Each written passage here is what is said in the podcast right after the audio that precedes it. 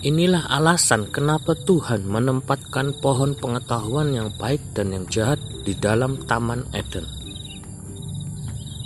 Bukankah lebih baik pohon pengetahuan dan yang baik dan yang jahat itu tidak ditempatkan di Taman Eden sehingga manusia jatuh ke dalam dosa?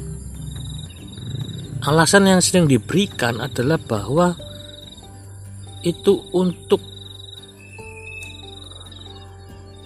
memberikan kepada manusia kehendak bebas, mau menuruti perintah Tuhan atau melanggarnya.